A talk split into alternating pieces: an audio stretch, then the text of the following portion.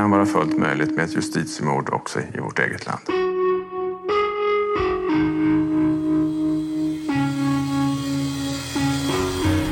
Cederholm försätts på fri fot redan idag och hans fall tas sen upp på nytt i hovrätten. Ja, det var fruktansvärt. Det har gått så fel till alltihopa tycker jag. Det här är en historia som aldrig fick ett tillfredsställande slut. Tar man en sten i en mur så borde muren rasa tyckte vi. Och vi bara väntar på att bli utsläppta vi också. För om Kate Cederholm aldrig var med, vem skulle ha gett den påstådda orden vid branden? Eftersom Kate inte var med då, vem var det, vem var det då som kastade stenen i huvudet på den andra? Det var det ingen som frågade efter. Spår försöker räta ut alla frågetecken som fortfarande finns kvar. Ett handlar om hur mycket rykten och klass fick spela roll när sju unga raggare skulle inför rätta. Anledningen till att de hade dömts, det var att de var white trash. Att de inte hade advokater som brydde sig om dem. Att advokaterna inte trodde på deras oskuld. En sak är säker. Tiden läker inte alla sår. Det som plågar absolut mest att det är släkt och vänner som går och tror att vi skulle slagit ihjäl den här Bo-Göran. Fängelsetiden kan man inte göra någonting åt, men man kan släcka det. Tron hos dem att vi har gjort det. Det plågar mig absolut mest. Att vi skulle, jag skulle vara mördare. Det plågar mig. Spår. Raggarmordet. Avsnitt 2. Malmö, våren 2016. Spårsresearcher Lisa har tagit reda på något som kan vara guld värt för en radioreporter. Och medan jag åkt ner till Skåne så är Martin kvar i Stockholm. I förra avsnittet av Spår tipsade ju Jan Guillou om hur han, efter att ha visat hur Kate Cederholm felaktigt dömts för mordbranden, nu tog sig an nästa raggare, Mikael Johannesson. Enligt Guillou ska även Johannesson ha haft alibi för brandkvällen. Och det programmet ska vi alltså titta närmare på lite senare. Men först Malmö och Anton. Platsen är Malmö stadsarkiv. Hej, Anton heter jag. Uh, jag ska kolla på några kassettband. Från länge sedan. Det handlar om raggarmordet. Jag har pratat med chefen här som har ett ovanligt fynd åt oss i sitt arkiv. Eh, Jag heter Susanne Sandberg och jag är enhetschef för enheten tillsyn och arkivvård vid Malmö stadsarkiv. Det är Susanne Sandberg som grävt fram material kring raggarmordet som egentligen inte skulle finnas kvar. Eftersom detta är ett material som skulle ha gallrats misstänker jag att så har skett med det som inte är här. Men att någon person har eh, eh, blivit uppmärksammade på vad de här banden gäller och då tagit ut dem ifrån de serier som skulle ha gallrats. Raggarmordet handlar om en rad händelser som skedde för över 35 år sedan. Det finns problem med att berätta om så gamla händelser. Dels har människor svårt att minnas, dels kan flera viktiga huvudpersoner ha dött. Och så kan det också finnas offentligt material som används i rättegångar och förundersökningar som faktiskt har förstörts. Och precis de svårigheterna har vi i den här historien. Viktiga personer är döda. En del av de andra minns dåligt och mycket av materialet är kasserat, enligt dåtidens praxis. Egentligen eh, finns det en föreskrift, eller fanns på den tiden ska jag säga, en föreskrift från Riksarkivet som sa att de här handlingarna skulle inte bevaras längre än tio år. Men i vissa fall har då poliserna tagit initiativet att bevara dem eftersom de ser att det finns ett kulturhistoriskt värde. För oss betyder det att det nu alltså går att berätta den här historien på ett sätt som gör det möjligt att försöka ta reda på fler detaljer kring raggarmordet. Många av polisens förhör kritiserades för hur de lät, hur frågorna ställdes, hur man till exempel föreslog namn, Kate Cederholms namn, för de åtalade så att de skulle förstå att Kate Cederholm antagligen var med om att bränna ner raggargården i Malmö och sen föra bort vittnet Bo Göransson till Helsingborgs hamn där han kastades i hamnbassängen. Nu kan vi och ni som lyssnar själva avgöra hur det lät. Vi kan också höra röster från personer som inte längre är i livet. Förstahandsmaterial, historierna, som de lät när allt det här avgjordes 1981.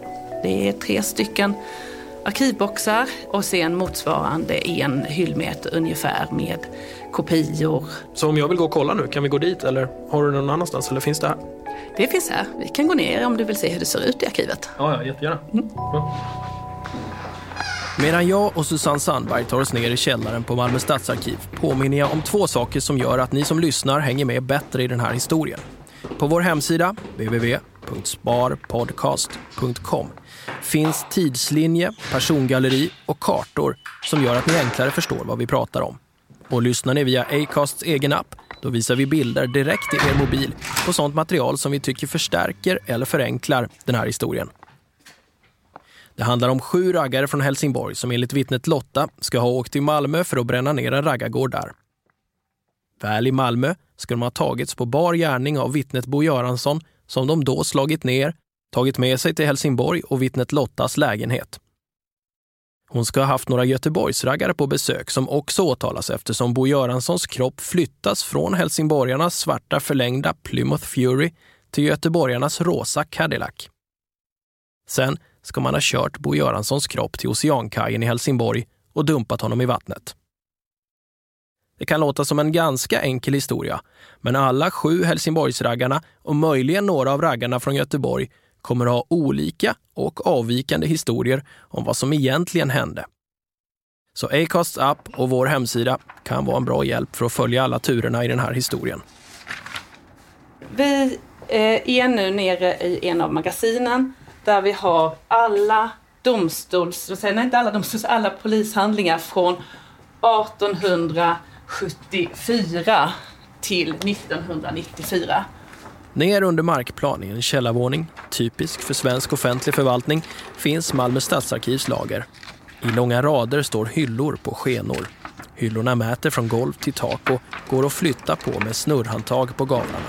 På den här hyllan så tror jag att vi väl åtminstone har 100 hyllmeter så det är rätt många ton som vi kan flytta på det här sättet. Uh, där hade vi flygpl flygplanskapningen på Bulltofta 1972. Wow. Uh, men den får ni ta en annan gång. Ja. Uh, där, de här får vi ta och... Oh, de där. På en liten vagn tar vi med oss materialet upp till markplan igen för att se vad som är sparat av förundersökningen från 1979. Det är ett kontroversiellt och omskrivet material. Det finns anklagelser om att polisförhören gått felaktigt till och det finns andra, såväl journalister som jurister, som istället menar att det är ett gäng raggare som ljuger sig blå genom de här timmarna som alltså ryms på klassiska kassettband.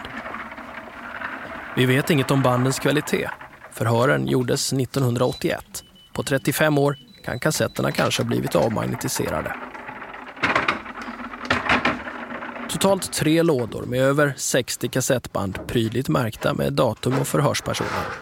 Polisen har oftast använt raggarnas smeknamn.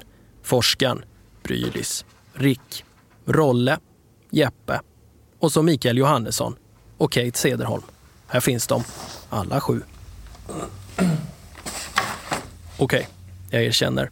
Min puls är ganska hög här. För en radionörd som jag så är det ett otroligt spännande ögonblick att trycka på play just nu. Är rösterna från 81 fortfarande kvar? Ska vi se. På power. Och så play då. Yes, det låter. Och förhöret börjar klockan 11.15. Förhörsledare är kriminalinspektör Henrik Karlsson. Nu börjar ett mödosamt jobb med att kategorisera och systematisera förhörsbanden. Allt ska dessutom spelas över in i våra datorer så att vi kan klippa radio av innehållet. Men innan jag börjar med det jobbet så är jag speciellt nyfiken på hur förhören med Brylis lät. Brylis kallades killen som ska ha kört raggargängets bil, den svarta förlängda Plymouth Furin, under natten för branden. Ni minns säkert från förra avsnittet hur advokaten Jan Karlsson reagerat när han läste utskrifter av förhören med Brylis. Efter rättegångarna gjorde man två olika intelligenstest med honom. Brylis snuddade vid den lägre gränsen, alltså nära det som kan betyda lindrig utvecklingsstörning. Hur lät förhören med en sån person? Jag tar första bästa band jag hittar, märkt Brylis. Brylis. Hur kan du göra detta? Jag har tänkt över det. Jag kan inte bara säga en grej som inte stämmer. Nej. Jag vet inte vad jag ska säga. Precis som du upplevt det. Har jag sagt. Nej, det har du inte sagt. Kanske måste en förhörsledare jobba precis så här. Men jag kan bara föreställa mig hur jobbigt en person som Brylis har det här. Du har sagt att du är ett åstopp och var där vid 23-tiden eller 11-tiden som du själv säger. Ja, det stämmer. Det stämmer inte. Det är viktigt att påpeka att det här inte på något sätt visar på att förhörsledaren gör fel. Du kan inte säga grejer som du inte vet ju heller. Jo, men eh, det är inte så. Tänk nu lite framåt istället. Men om vi tänker tanken att det är en oskyldig person som utsätts för det här. Men det är möjligt. Jag eh, kan inte lova dig någonting, men att han hade släppt på något på restriktioner så hade du fått något att läsa. Det ville du ha igår, har vi pratat med. Ja. och som gång på gång försöker värja sig genom att upprepa sanningen. Det är inte för att jag ska lura dig på något sätt att prata, utan det ska du göra om det är Och med den nedsatta intellektuella förmåga som det innebär att ha ett IQ nära 70. Alla är olika, men gemensamt för människor med utvecklingsstörning eller nära utvecklingsstörning, som det kan röra sig om här, det är att man har svårare att precisera ett förlopp, man har svårare att berätta om personer som var med, i vilken ordning saker sker och vilken orsak saker sker. Det är också svårare att stå emot ledande frågor eller press utifrån, såväl från familj, vänner eller ständigt frågande poliser. Och sen blir det mycket lättare för dem som ska fatta beslut i saken och som de har sanning. Om vi har allt det klart för oss när vi lyssnar på det här, Ja. då är det inte svårt att förstå varför Brylis gråter. Du ska inte alls sitta och skämmas att du har försökt att komma undan eller försökt att komma undan för är- förstår alla att man... Men gränsen är nådd någon gång förstår du.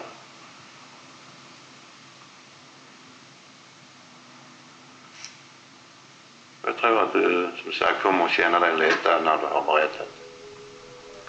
Advokat Jan Karlsson menar att det här är att gå för långt.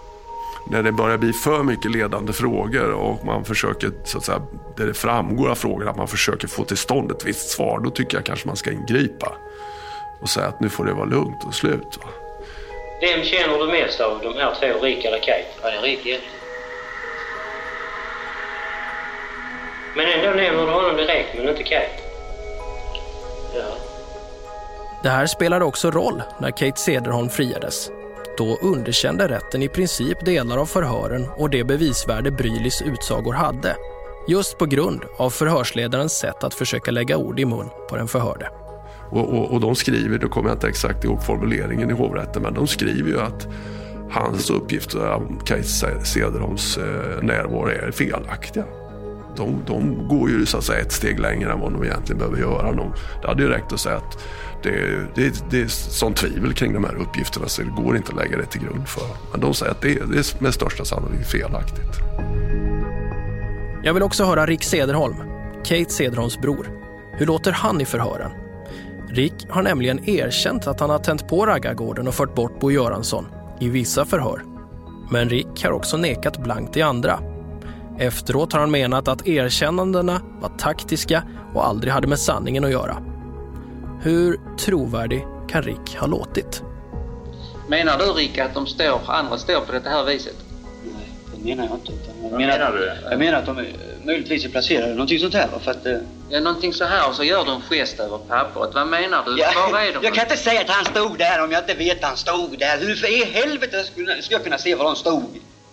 Va? Lugnt, men herregud, fråga dem var de stod Ja, istället. ja, ja, vi frågar ju här, är detta möjligt att man håller vakt på detta sättet? Nej, det vet jag inte. Det, Men det är din, de är i din omedelbara närhet, de som håller knappt. ja, det hoppas jag givetvis att de ska vara. Men de ska hålla knart på mig. Hur, hur pass i din omedelbara närhet vill du ha dem? När jag packar ihop första kartongen med band så ser jag två kassetter märkta med texten Lotta, psyket. Det här är alltså förhör som görs med huvudvittnet Lotta. Hon som sitter på det som hela åtalet bygger på. Vitala uppgifter om dåden och vilka personer som var med. Det här är alltså förhör som görs med Lotta när hon brutit samman och tagits in för psykisk vård. Pressen på henne var stor. Från raggare i Malmö, från de utpekade raggarna i Helsingborg och så från polisen. som alltså åker till en psykiatrisk vårdavdelning för att göra nya förhör. Ja, anledningen till detta förhöret är ju att eh, Eh, du eh, Lotta bröt samman igår och blev förd till psykiatriska kliniken i anledning av det. Och sen har du idag pratat med läkare här ute och därefter så blev jag uppringd av läkaren. Och jag pratade också med dig och då ville du att jag skulle komma hit och att du ville berätta eh, något ytterligare. Eh, och vill du då själv nu till att börja med med egna ord berätta det du vill ha framfört? Jag vet inte, det har varit så mycket nu på sistone och sånt. Så mycket snack och sånt. Och så kom det att jag skulle upp och vittna igen. Det kom liksom så plötsligt. Jag, jag visste att jag skulle vittna igen men...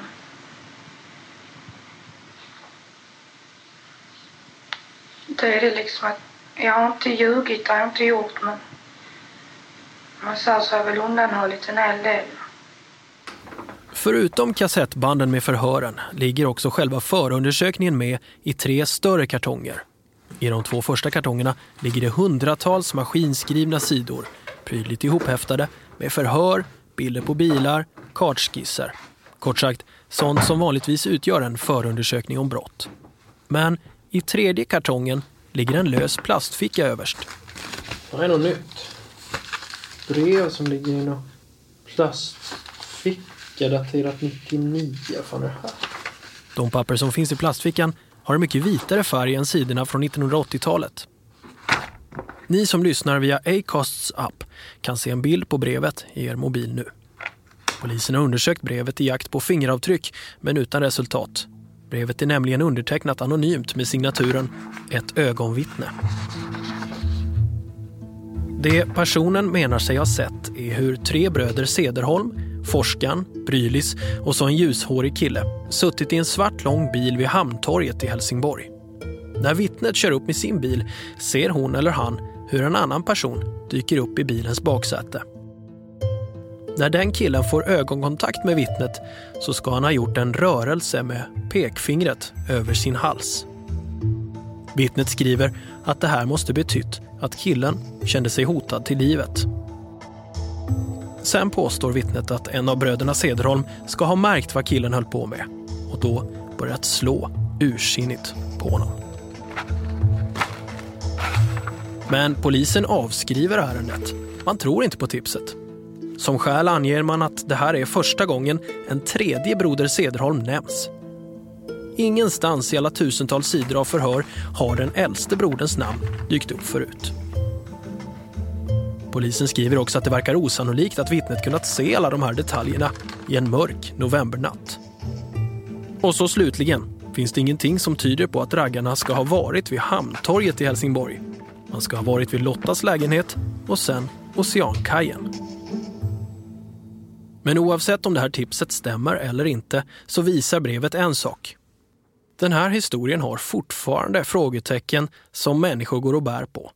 Den väcker känslor och funderingar hos många långt efter att Kate Cederholm friats och de andra avtjänat sina fängelsestraff. Det har nu blivit dags att ta reda på hur huvudpersonerna i den här historien har påverkats av händelserna och vad de säger om det som hände 1979. Det ska visa sig att många har haft det tufft och långt ifrån alla är i livet trots att många inte ens fyllt 20 när allt hände. Hemma på Spårs kontor har jag och researcher Lisa Domelin fått fram flera detaljer kring huvudpersonerna i den här historien. Kate Cederholm själv, han dog 2010. Men alla de andra raggarna från Helsingborg verkar vara i livet och alltså möjliga att intervjua. Värre är det med åklagare Kay Kalin. Han gick bort 2007. Och även huvudvittnet Lotta, som Anton alltså hittat på band, är avliden. Så inte heller henne kommer vi kunna träffa igen. Något som däremot överlevt i flera generationer är ryktet kring familjen Cederholm. I gamla tidningsartiklar från 80-talet hittar vi många hänvisningar till Cederholmarna, bröder vars rykte är vida ökänt. Det handlar om slagsmål, stölder, fylla och allmänt raggarliv. Gängledaren är nordvästra Skånes värsta buse. Bröderna styrde gänget med terror.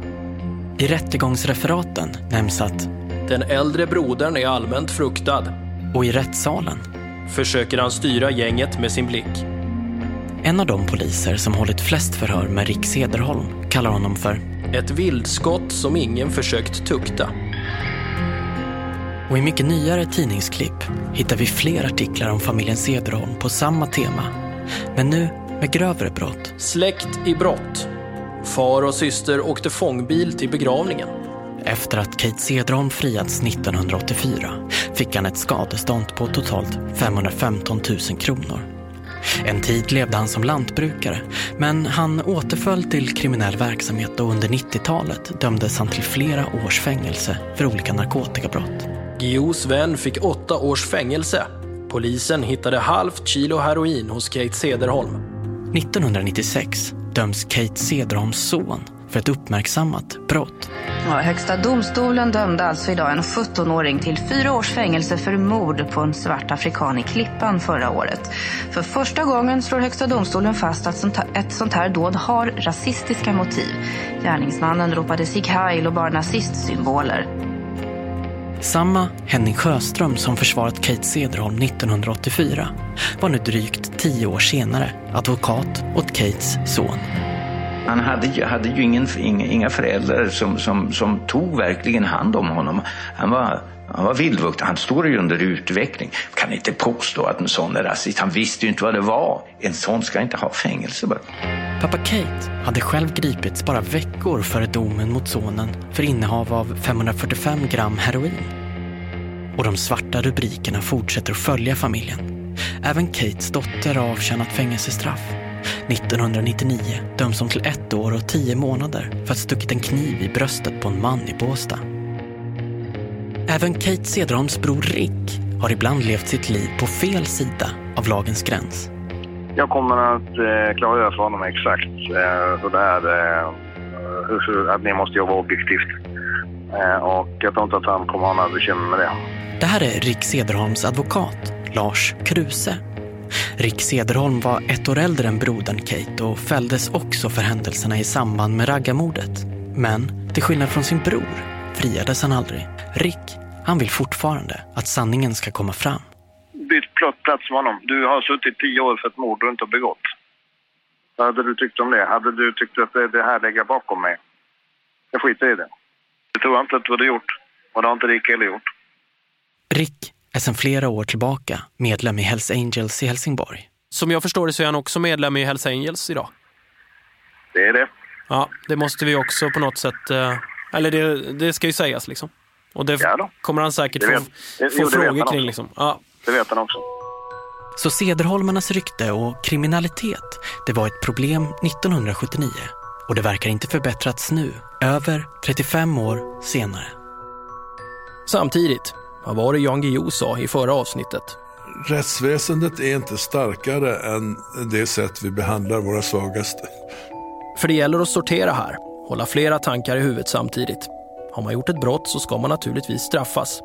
Men om man har stulit en bil betyder inte det att man per automatik är beredd att slå ihjäl en person eller kasta en medvetslös människa i sjön.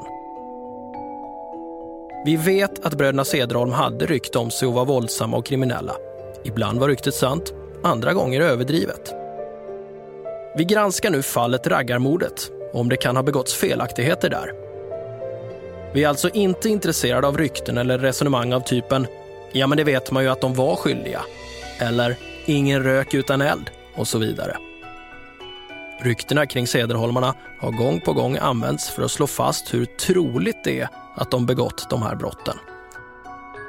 En sån logik kan snabbt bli obehaglig och den drabbar aldrig den starke, bara samhällets svaga. Som jag sa, samma bevisning riktad mot mig hade lett till ett telefonsamtal från generad kriminalinspektör.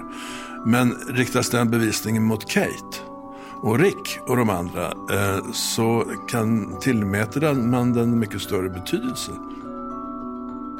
I spår vill vi ta reda på vad som faktiskt hänt. Inte vad människor tror sig veta eller anser kan ha hänt. Men mycket tyder på att just ryktena kring Cederholmarna fick för stor betydelse.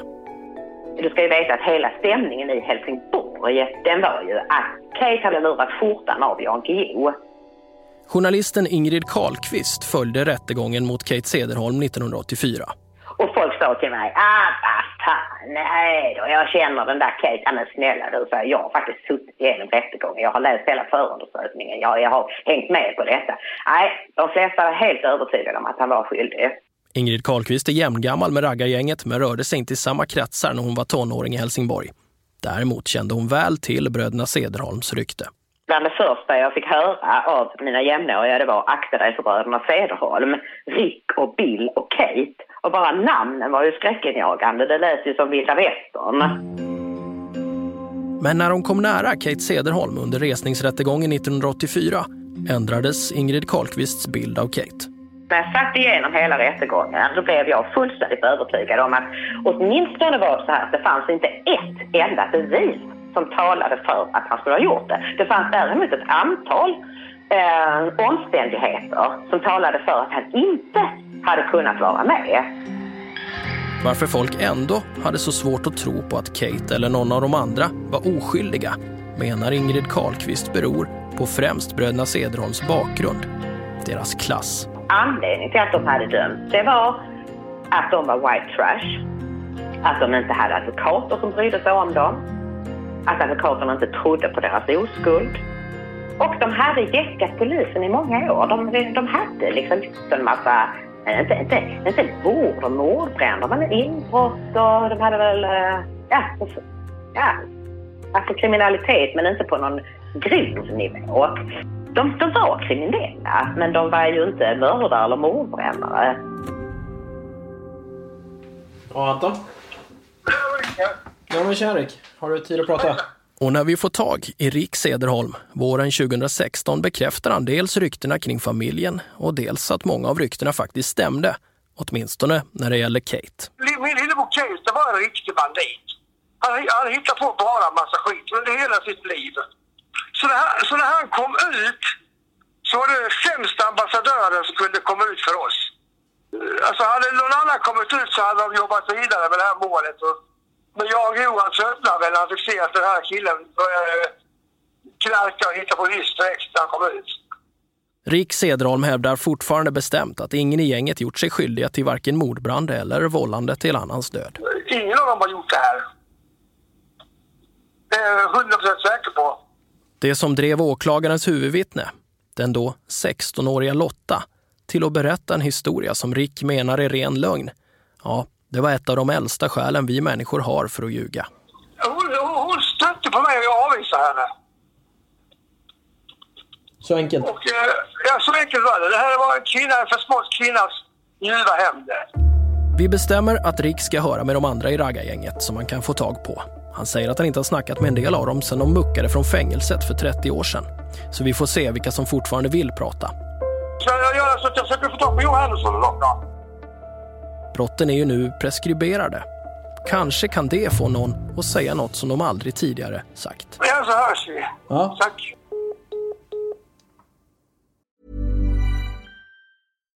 If you're looking for plump lips that last, you need to know about Juvederm lip fillers. With Juvederm Volbella XC and Juvederm Ultra XC, your lip look, whether it's subtle or bold, can last up to one full year with optimal treatment and no additional maintenance. Find a licensed specialist and see if it's right for you at juvederm.com today. That's J U V E D E R M.com. Add fullness to lips in adults over 21 with Juvederm Volbella XC or Juvederm Ultra XC. Do not use if you have severe allergies or a history of severe allergic reactions, or if you're allergic to lidocaine or the proteins used in Juvederm. Tell your doctor if you have a history of scarring or taking medicines that decrease the body's immune response or that can prolong bleeding. Common side effects include injection site redness, swelling, pain, tenderness, firmness, lumps, bumps, bruising, discoloration, or itching. As with all fillers, there's a rare risk of unintentional injection into a blood vessel, which can cause vision abnormalities, blindness, stroke, temporary scabs, or scarring. For full important safety information, visit juvederm.com.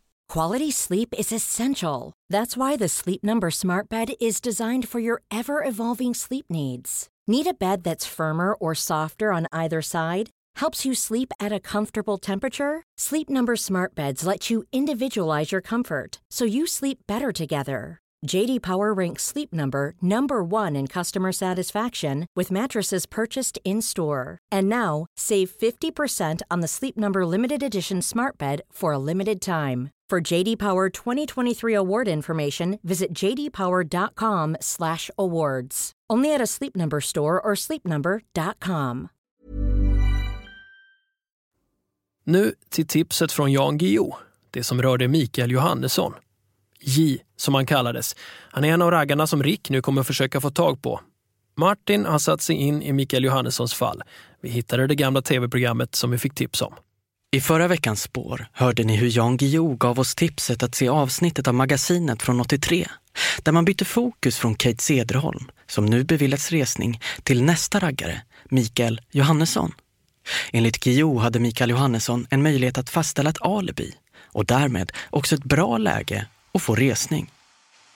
För visst är att jag är oskyldig till detta alltså. Och ändå sitter folk så att du har gjort det och det och det. Den 21 december 1983, alltså nästan ett år efter första programmet om Kate Cederholm, sänds magasinet om Mikael Johannessons fall. Jan Guillou är fast besluten att visa hur även Johannesson har alibi för mordkvällen och därför, precis som Kate Cederholm, ska beviljas resning. Och nu har Högsta domstolen ju gett oss rätt så långt att man har försatt Kate Cederholm på fri fot och beviljat honom resning i målet. Därmed är det alltså dags att pröva om det inte finns ytterligare personer i detta mål som har blivit felaktigt dömda. Och kvällen, och ikväll har turen kommit till Mikael Johannesson som ni såg här i början. I programmet berättar Jan Guillou att raggan Mikael Johannesson hade dambesök hemma i sin bostad den natt som han påstås ha varit i Malmö och bränt ner Granbackens raggargård. Det intygas av Mikael Johannessons mamma. När de kom hem här så låg jag och sov i Mickes säng. Han kommer in och väcker mig och säger att jag får flytta på mig. Och då säger jag som vanligt till honom de gånger jag har tagit hans säng att du kan lägga dig på soffan i stora rummet. Det kunde han inte för han hade en, en flicka med sig. Ja. Att jag fick flytta på mig. Även Susanne själv, som Mikael Johannessons tjej alltså hette, bekräftar detta i förhör med polisen. Där berättar hon att det här har inträffat. Hon har följt med Mikael Johannesson från det här diskoteket en lördagkväll ungefär vid tiden november 1979. Nej, flickvännen Susanne minns inte exakt vilken helg det hände. Men en kompis till Mikael Johannesson kom på besök nästa dag, söndag förmiddag, för att titta på video. Mikael hade spelat in en film på VHS som sändes kvällen innan på tv. Och kompisen Stefan Atle Axblom intygar att han mötte Susanne i hallen när han kom. Jag såg på filmen då då träffade jag J. Arapats och Susanne. En detalj i Susannes historia sticker särskilt ut. Den helgen så får de skjuts hem till Mikael Johannessons mamma i en mycket speciell bil. Inte vilken raggarbil som helst, utan en rosa Cadillac. Och den bilen glömmer man inte om man en gång har vistats i. Alltså samma rosa Cadillac som enligt åklagaren används för att dumpa Göranssons kropp. Här går alltså historierna tvärt isär. Mikael Johannesson menar nämligen att han inte alls åkte bilen sent på natten till hamnen. Nej, han åkte i den rosa Cadillacen tidigt på kvällen med sin tjej Susanne när de skulle hem till Mikael. Vi åkte med en rosafärgad Cadillac med ett par göteborgare. Och det är den Cadillacen som eh, är aktuell i detta fallet. I magasinets studio får tv-tittarna se, efter alla intervjuer, hur Jan Guillou tar fram några olikfärgade kuber för att visa hur man med ett logiskt resonemang kan pussla ihop vilken av helgerna Mikael Johannessons alibi gäller. För antingen handlar vittnenas historier om helgen före eller själva brandhelgen eller så helgen efter dådet. Helgerna kallas 1, 2 eller 3 där alternativ två är den helg där branden och bortförandet av Bo Göransson sker. Vi följer resonemanget och börjar med Susannes vittnesmål. Hon bekräftar alltså att hon faktiskt tillbringade natten med Mikael Johannesson någon av de tre aktuella helgerna. Någon av de tre helgerna så inträffade den här händelsen när hon kom hem till Mikael. Mikaels mamma låg i, eh, i eh, Mikaels rum och de fick byta plats och sådär. Men Mikael Johannesson inleder ett längre förhållande med en annan tjej just helgen efter mordbranden. Alltså sista helgen av de tre. Det här betyder alltså att Susanne kan ha varit hemma någon utav de här två helgerna, men inte helgen efteråt.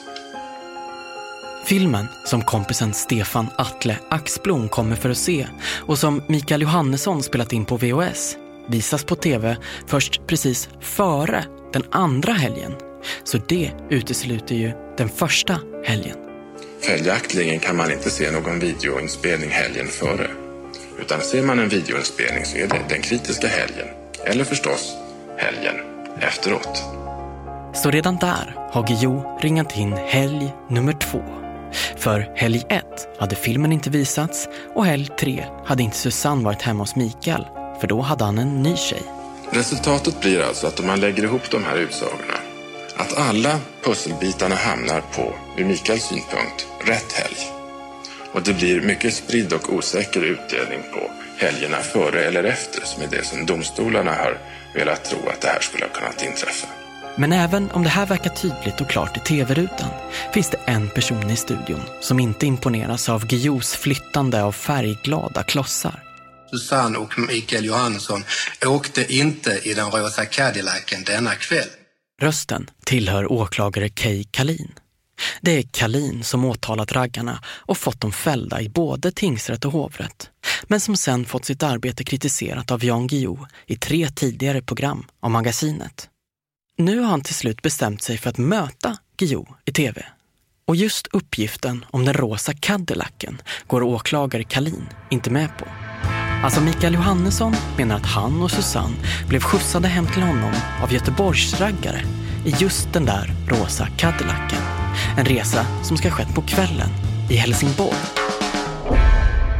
Men enligt åklagaren har han uppgifter som istället visar att den rosa Cadillacen användes när de sju Helsingborgsraggarna, inklusive Mikael Johannesson, kom hem till vittnet Lotta och lastade över Bo Göranssons kropp från sin förlängda Plymouth Fury. Det ska ha skett någon gång vid fyra tiden på morgonen, alltså vid ett betydligt senare tillfälle än vad Mikael Johannesson menar. Den rosa Cadillacen är helt enkelt den bil som används för att skjutsa offret till Helsingborgs hamn, menar åklagare Kay Kalin. Sen hörde vi då göteborgarna, bilägaren och föraren som hade kört den aktuella bilen den aktuella kvällen. Och då fanns Mikael Johansson i rättssalen, samtliga nio tilltalade fanns i rättssalen. Då säger både bilägaren och föraren av bilen att Mikael Johannesson och någon flicka åkte inte i den rosa Cadillacen den här kvällen. Utan bilägaren säger tvärt emot att Mikael Johannesson kom i den förlängda Fury. I tv-studion böjer sig sen åklagare Kay Kalin fram och flyttar bort den av Guillous färgade kuber. Den som ska representera Cadillacen i pusslet. Men Guillou sätter tillbaka den samtidigt som han invänder.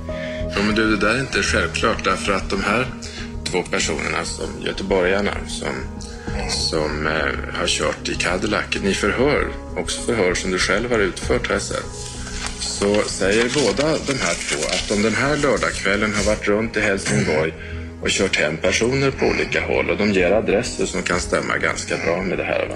Men de kommer inte ihåg vilka de är. Så det minsta du har från dem är två personer. Då glömmer du en sak att det är en av göteborgarna, bilägaren, kände Mikael Johannesson mycket väl eftersom bilägaren har varit mycket i Helsingborg. Mm. Hade honom på raden framför sig, tror jag, i rättssalen. Mm. Bilföraren eh, tittade på honom. Båda två sa klart och tydligt att Mikael Johannesson åkte inte i den rosa Cadillacen denna kväll. En sak står klar. Efter att vi tittat klart på programmet inser vi att de raggare som kom från Göteborg stod för ett viktigt vittnesmål 1979. Och att det vittnesmålet samtidigt var oklart. Hade göteborgarna skjutsat Mikael Johannesson och hans tjej Susanne hem? Eller hade göteborgarna varit med när Mikael Johannesson och de andra Helsingborgsraggarna lastat över en livlös kropp till deras bil, den rosa Cadillacen, och dumpat kroppen i hamnen? Här finns motstridiga uppgifter och något som spår kan gå vidare med. Än idag är det här en helt olöst fråga.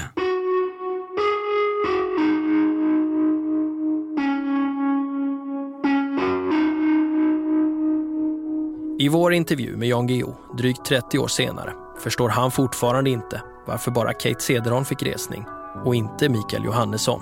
Men, och varför så inte skedde går egentligen inte att förklara annat än med ett, en ovilja hos rättsväsendet att, att liksom en resning till i det här målet innebär att alla går loss, eller hur? Oerhörda skadestånd, jätteskandal, största justitiemordet någonsin, bla bla. Alltså det, det, jag kan tänka mig att en sorts perverterad omsorg om tilltro till rättsväsendet eh, gör att eh, domare i Högsta domstolen tycker att det här vore olämpligt att, att ta upp. Och det handlar ju ändå bara om några raggare hit eller dit. Tillbaka till nutid. Någon vecka efter att jag senast pratade med Rick så ringer han igen för att berätta om vilka av raggarna som vill ställa upp på intervju. De dåliga nyheterna först. Rick får inte tag i forskaren och Brylis. Men Spår får kontakt med Brylis och hans föräldrar. De svarar, men tackar nej till att medverka. De tror inte att något gott någonsin kan komma ur den här historien. Så till de goda nyheterna. Det visar sig att förutom Rick Sederholm så går Roland Rolle Raduns, Leif Jeppe Jeppsson och Mikael J Johannesson med på att träffas för en intervju. Jag sätter mig på ett flyg ner till Ängelholm där Rick lovar möta mig. Det är en historisk träff. Det här gänget har inte varit samlat sedan i samband med rättegångarna 1982. Men hela arrangemanget verkar gå åt skogen redan när jag landar på Ängelholms flygplats. Rick dyker inte upp. Tjena Rick, Anton Berg här. Har landat. Det visar sig att Rick varit på fest och kommit hem sent. Hoppsan. Ja, han är inte körklar. Nej, men då ska du inte köra. Nej, men jag tar den. Men frågan är vart jag ska då? Jag tar en taxi och möter Rick i hans hus i Helsingborgs utkanter. Hej, Anton. Tillsammans ska vi åka i hans bil till Åstorp, där de andra väntar. Jag låg hemma för han ringde precis. Ja. Men jag får inte tag på G. Nej. Och eh, det är lite synd. Det blir Rick, Rolle och Jeppe, men inte Mikael Johannesson. Jag har hela. Jag alltså hunnit prata med Mikael Johannesson i telefon. Och det var där han berättade att han inte mår bra. Han säger att han har levt med ett långvarigt missbruk, men att han ska försöka komma. Han vill gärna prata och försöka reda ut vad det var som hände på 80-talet. Han hoppades mycket på det jobb som Jan Guillou la ner på att försöka få honom frikänd, men som alltså gjordes förgäves. Branden och rättegångarna har i grunden förändrat hans liv, menar Mikael Johannesson. Men nu visar det sig att han alltså inte kommer till den här återträffen. Ska jag köra eller? Ja, mm, jag gör det. Det blir av förklarliga skäl jag som ska köra Riks bil. När jag öppnar bakdörren för att sätta min bandspelare där noterar jag en skottsäker väst som ligger slängd i baksätet. När vi svänger ut på motorvägen mot Åstorp blir vi efter ett tag omkörda av en polisbil. Då kan jag inte låta bli att fråga om vilka som känner till att Rick är med i Hells Angels. Hur mycket vet polisen om att du är till exempel med i Hells Angels? Alla vet det. Alla, säger han. Har polisen alltså koll på den här bilen?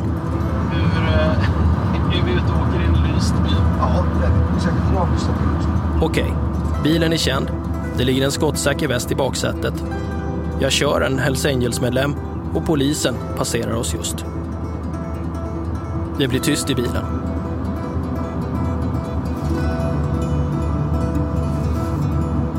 Efter en stund säger Rick att han glömt den skottsäkra västen i bilen. Det ligger inte därför att jag har... Den ligger inte där på grund av att det finns något konkret hot mot honom just nu. Rick Cederholm verkar lugn, stadig. Han är helt klar på vad det är vi gör här. Jag är journalist och intresserad av en kritiserad och omtvistad rättsprocess för länge sedan där han hade en av huvudrollerna. Hells Angels lämnar vi tills vidare därhän. Möjligen kommer vi få anledning till att återvända till betydelsen det har att Rick är med i en organisation som bygger på kriminell verksamhet. Men då i kommande avsnitt av Spår. Just nu fokuserar både jag och Rick på det möte som vi är på väg till.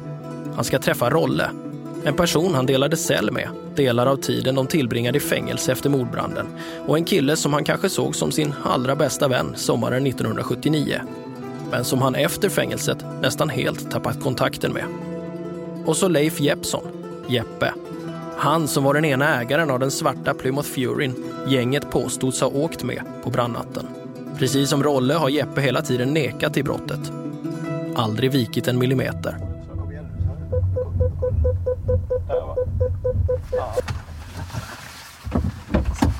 Erkänt, det har däremot Rick Sederholm gjort. Och även om han sen tog tillbaka erkännandet och menade att han gjorde det för att fria sin bror och för att få ner sitt eget straff, så gjorde hans erkännande under polisförhören att hans två vänner hamnade i en väldigt svår sits. Är de på något sätt förbannade på Rick för det här? Möjligen är det en av sakerna som rör sig i Ricks huvud när han stegar fram till det lilla välordnade mexitegelhuset där Roland Roller Radyns bor. Men ingen tvekan eller nervositet syns hos Rick när han trycker på ringklockan och väntar. Så här har inte du varit på ett tag då? Han har inte träffats sedan 1987. Hur känns det då? Det ska bli kul. Han ser ut sådär idag ja. Hallå Olle. Tjena. Tjena. Hallå. Jag hade känt igen dig Tjena. I nästa vecka av Spår. Advokaterna gjorde inte många knop. Advokaterna som försvarade raggargänget fått tung kritik. Men de utgick också, som, som medier och alla andra, från att de eh, åtalade var skyldiga. Vittnen fick aldrig chansen att höras. Ja, ja, men jag fick inte. Jag pratade med hans advokat nej, när han bara ristade på huvudet så sa nej. Hur var det med er mamma? Fick hon vittna? Ja, hon fick inte vittna. Och så får vi äntligen kontakt med några av de raggare från Göteborg som åkte i den rosa Cadillacen. De eh, körde ju mycket på sitt eh, kronvittne som man kallar hon. Eh, Lotta. Lotta, ja precis. Och eh, hon ändrar sig ju hela tiden nu tycker jag.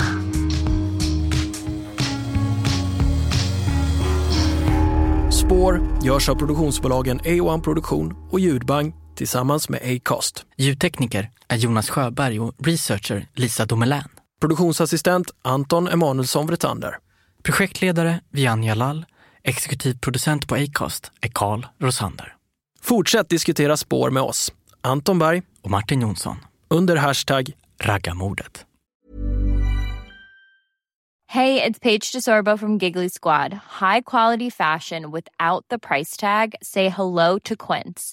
I'm snagging high-end essentials like cozy cashmere sweaters, sleek leather jackets, fine jewelry, and so much more. With Quince being 50 to 80% less than similar brands. And they partner with factories that prioritize safe, ethical, and responsible manufacturing. I love that. Luxury quality within reach. Go to quince.com slash style to get free shipping and 365 day returns on your next order. Quince.com slash style.